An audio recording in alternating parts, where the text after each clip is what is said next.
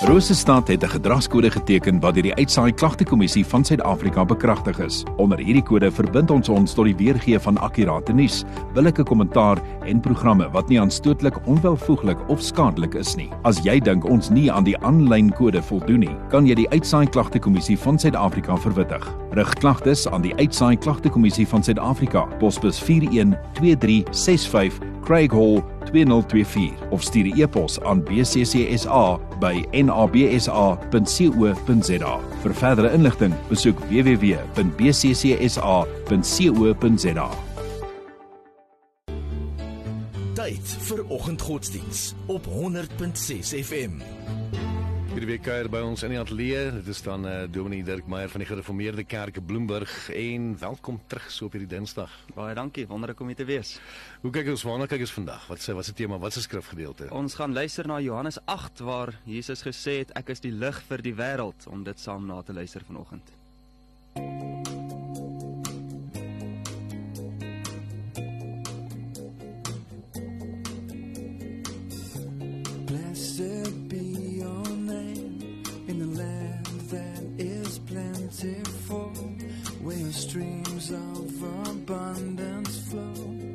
Blessed be your name.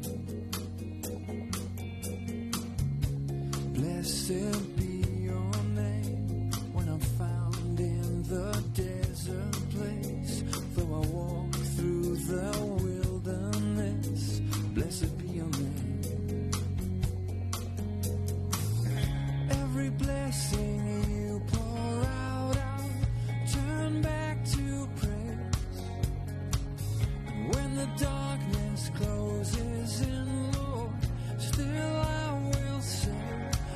Blessed be the name of the Lord. Blessed be your name. Blessed be the name of the Lord. Blessed be your glorious name. Blessed be your name when the sun's shining down on me. When the world's all as it should be. Blessed be your name.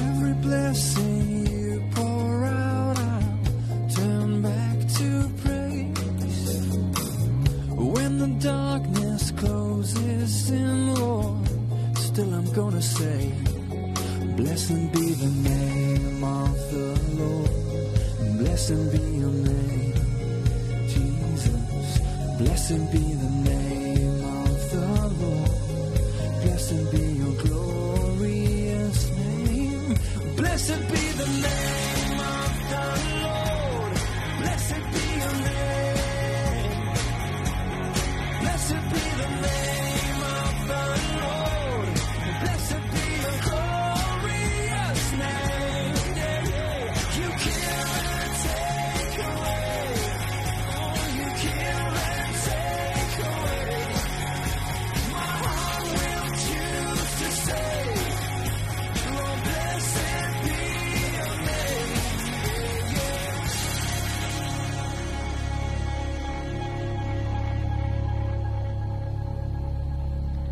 Goeiemôre. Dit is weer eens wonderlik om vanoggend saam te luister na die Here se woord.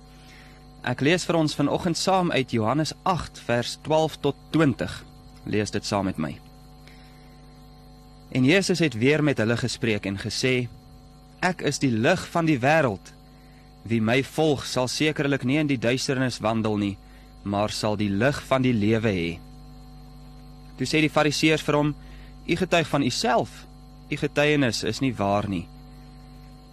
Jesus antwoord en sê vir hulle: Al getuig ek ook van myself, my getuienis is waar, omdat ek weet van waar ek gekom het en waarheen ek gaan, maar julle weet nie van waar ek kom en waarheen ek gaan nie.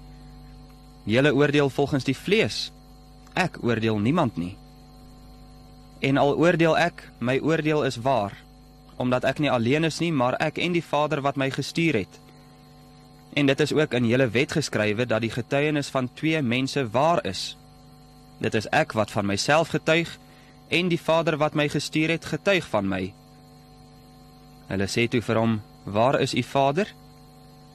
Jesus antwoord: "Julle ken my nie en ook nie my Vader nie. As julle my geken het, sou julle ook my Vader geken het." Hierdie woorde het Jesus gespreek by die skatkis terwyl hy in die tempel geleer het. En niemand het hom gevange geneem nie, omdat sy uur nog nie gekom het nie. Dis een van die wonderlikste uitsprake wat ons Here Jesus Christus gesê het toe dit uit sy mond gekom het dat hy sê ek is die lig van die wêreld. Veral as ons besef dat die wêreld wat aan homself oorgegee is 'n wêreld in uiterste uiterste donkerte is. Maar dat Jesus gekom het om lig te kom saai waar daar geen lig was nie. Die beeld ken ons, jy kan die donkerste van kamers hê, maar selfs die kleinste vlammetjie van vuur dryf die donker uit of selfs nie die kleinste bietjie lig in die donkerste grot gee hoop op uitkoms uit die donker uit. En hoeveel te meer nie dan as Jesus in 'n donker wêreld inkom en sê ek is die lig van die wêreld nie. Nou hierdie uitspraak wat Jesus gemaak het kom met 'n sterk agtergrond uit die Ou Testament wat dit vir ons des te meer indrukwekkend maak wat Jesus sê.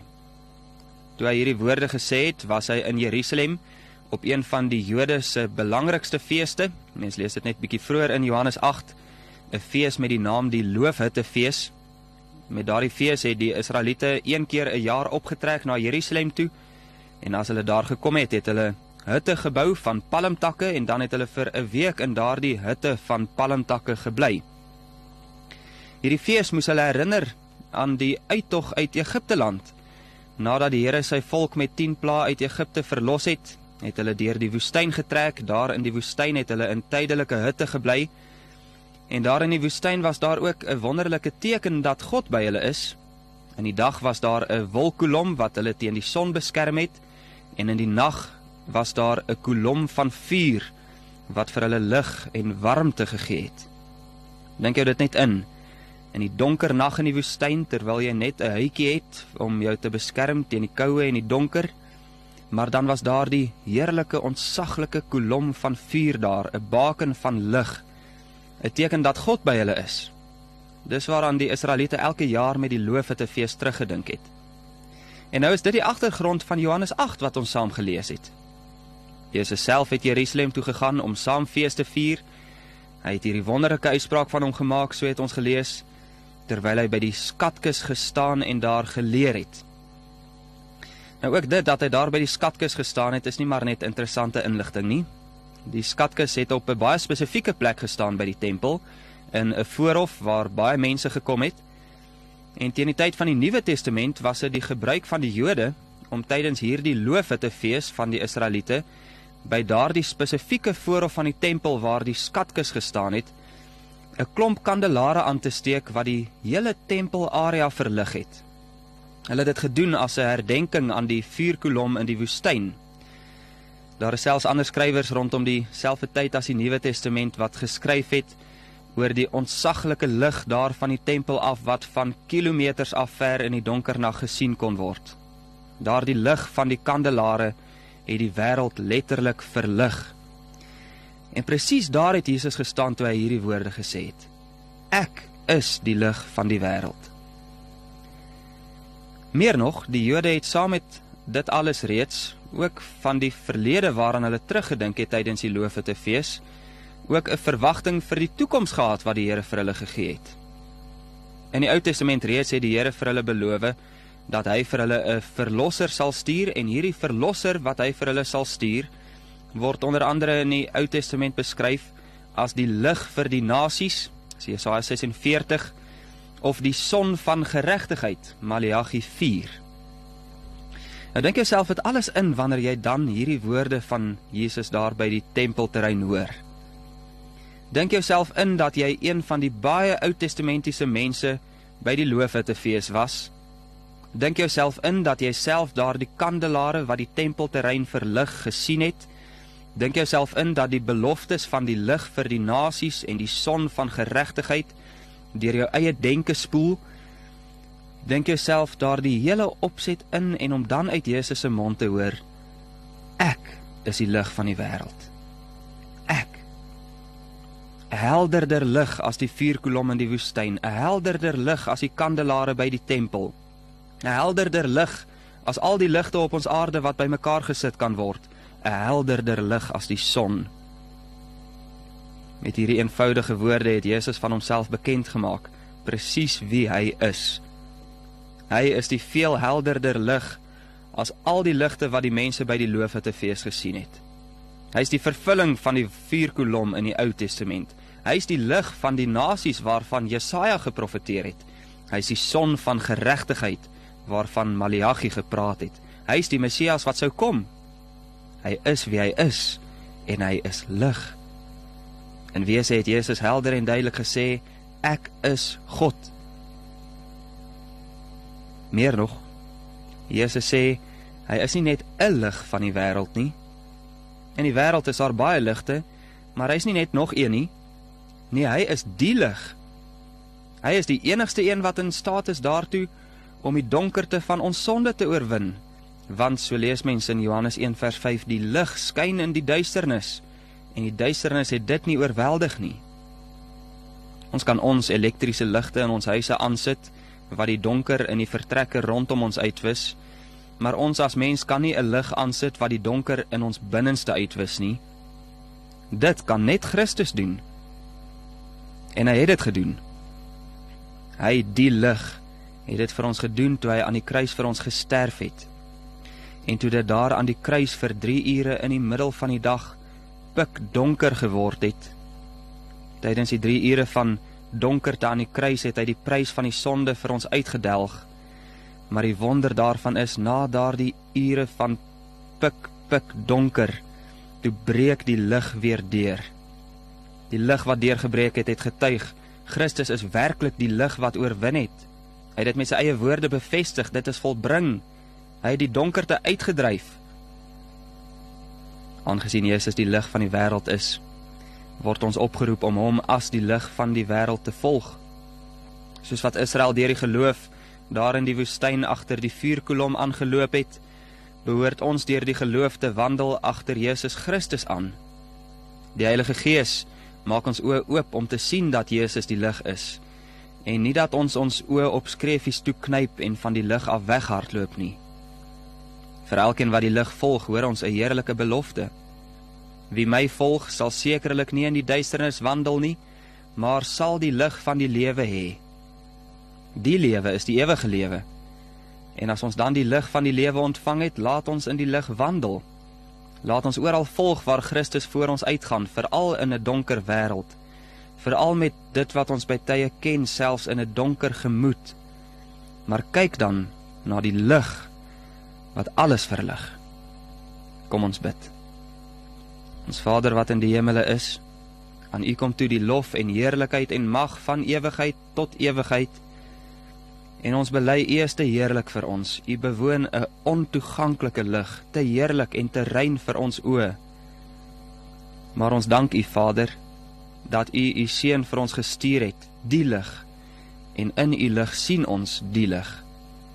Lei ons in die res van die week dat ons nie in die duisternis sal wandel nie, maar dat ons die lig sal uitleef.